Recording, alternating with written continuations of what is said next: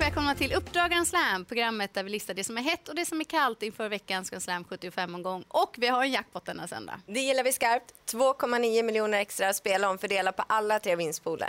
Och tävlingarna avgörs på Axevalla travet och just den här dagen då är det fokus på Stona som har extra fina pengar att tävla om. Mm, det är mycket ära som står på spel också. Axevalla skapar en otroligt fin tradition med den här dagen och som vanligt så har de ett utslagsgivande upplopp. Hela 227 meter mäter det. Och en aktiv som har bra koll på Axevalla-ovalen, det är André Eklund.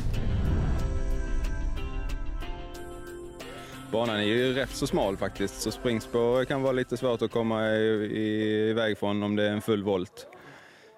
Eh, autostart så är ju det är ett ganska långt anlopp så spår 1 och sånt där har ju inga problem att, att hinna accelerera så det är gynnsamt för dem innerspår. Eh, ja, sen är det det där klassiska långa upploppet som alla känner till som är lite mer avgörande än vanliga upplopp. Ja, men det är inte så mycket att tänka på. Men när det är långt upplopp, vi har tjatat om det, men det är viktigt ändå. Vi letar starka hästar och kyliga kuskar. Och nu har ni koll på förutsättningarna så vi ber oss till veckans heta.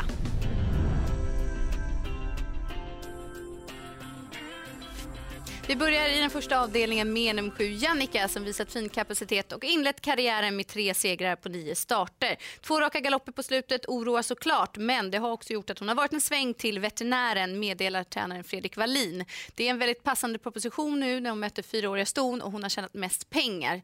Så att jag tycker att hon ska ses med hög vinstchans.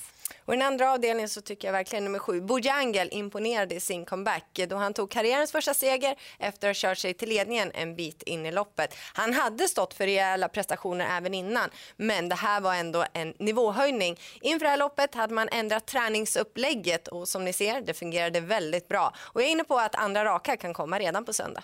Och går vi till den sjätte avdelningen så är det ett ärofyllt omlopp med 150 000 kronor till vinnaren. Och jag väljer att prata om nummer fyra, Denarius. Visserligen hade han flyt att luckan kom på V75, men han såg jättefin ut och han ägde verkligen banan redan i uppvärmningen. Nu kommer han alltså med två raka segrar, han är är helt rätt kurva. Dessutom så har han ett perfekt utgångsläge bakom bilen. Emilia Leo får chansen bakom honom och hon är faktiskt titelförsvarare i kronprinsessan Victorias lopp och jag är inne på att hon sitter bakom bästa chansen även i år. Och går vi till avslutningen så är det ett riktigt fint eh, lopp för treåriga ston där vinnaren kammar hem hela 350 000 kronor. Och det är flera om budet i det här loppet. Men jag vill lyfta fram nummer 10 Loke Sansi Diamond som vann utvändigt om ledaren senast och var väldigt bra i sin avslutning bakom en fin treåring i starten innan. Roger Wahlman har form på stallet, fem segrar på de 12 senaste starterna och nu har han anmält henne med barfotabalans och amerikansk sulky. Och när han gör det inför större uppgifter, ja, då brukar han ha en bra träffprocent. Mm, då har vi en het kvar. Den hittar vi hos veckans profil och i mina ögon så är hon väldigt, väldigt het. Det är hon. Och den tränaren vi pratar om är Daniel Wäjersten som inlett året väldigt starkt. På de fem första månaderna så har han fina 27 i segerprocent.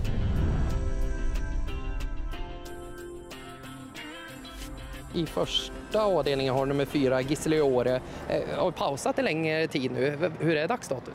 Ja, hon var igång där i vintras så hon fick ta igen sig lite grann i, i här och, och, fick en träningsperiod så att eh, ja, hon har inte vilat i vinter så att säga så hon borde kunna leverera en hygglig insats direkt. Har hon tagit träningen på rätt sätt? Ja, det känns bra tycker jag. I fjärde, fyra jurista, två starter efter uppehåll nu. Eh, vad säger du om insatserna? Det var fint va?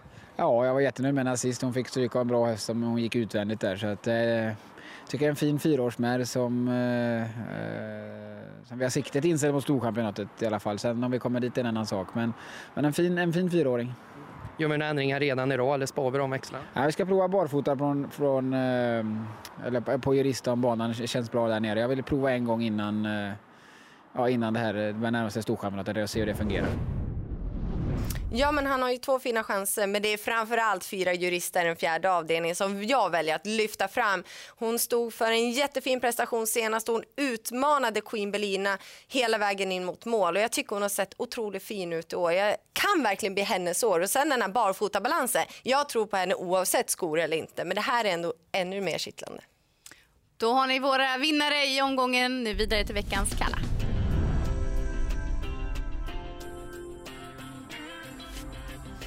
I den andra avdelningen så har nummer tre, Celine Race, varit hårt betrodd på slutet men inte fått det att fungera fullt ut. Så även om man nu återgår till en balans som har fungerat tidigare och hon har ett fint läge bakom bilen så vill jag se bättring innan jag vågar tro på henne.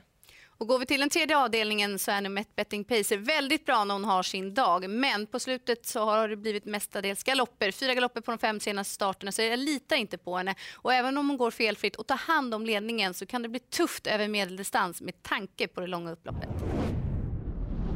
Dags att runda av programmet och Jennifer om du får välja ut tre ledord som beskriver söndagen. Jackpot såklart, stona i fokus och mycket prestige står på spel. Och vilken är din bästa vinnare? Ja, fjärde avdelning nummer fyra, Jurista. Jag är inne på att årets första seger kommer, men inte årets sista. Jag tror det kan bli hennes säsong. Och jag tror mycket på nummer sju, Jannica i den första avdelningen. Felfri så tror jag att hon har goda möjligheter att vinna det loppet. Och under söndagen så kommer i alla fall du och jag hålla koll på viktiga förändringar. För det är mycket pengar som står på spel och tränarna kan vässa till dem lite extra. Stort lycka till med Grand Slam 75.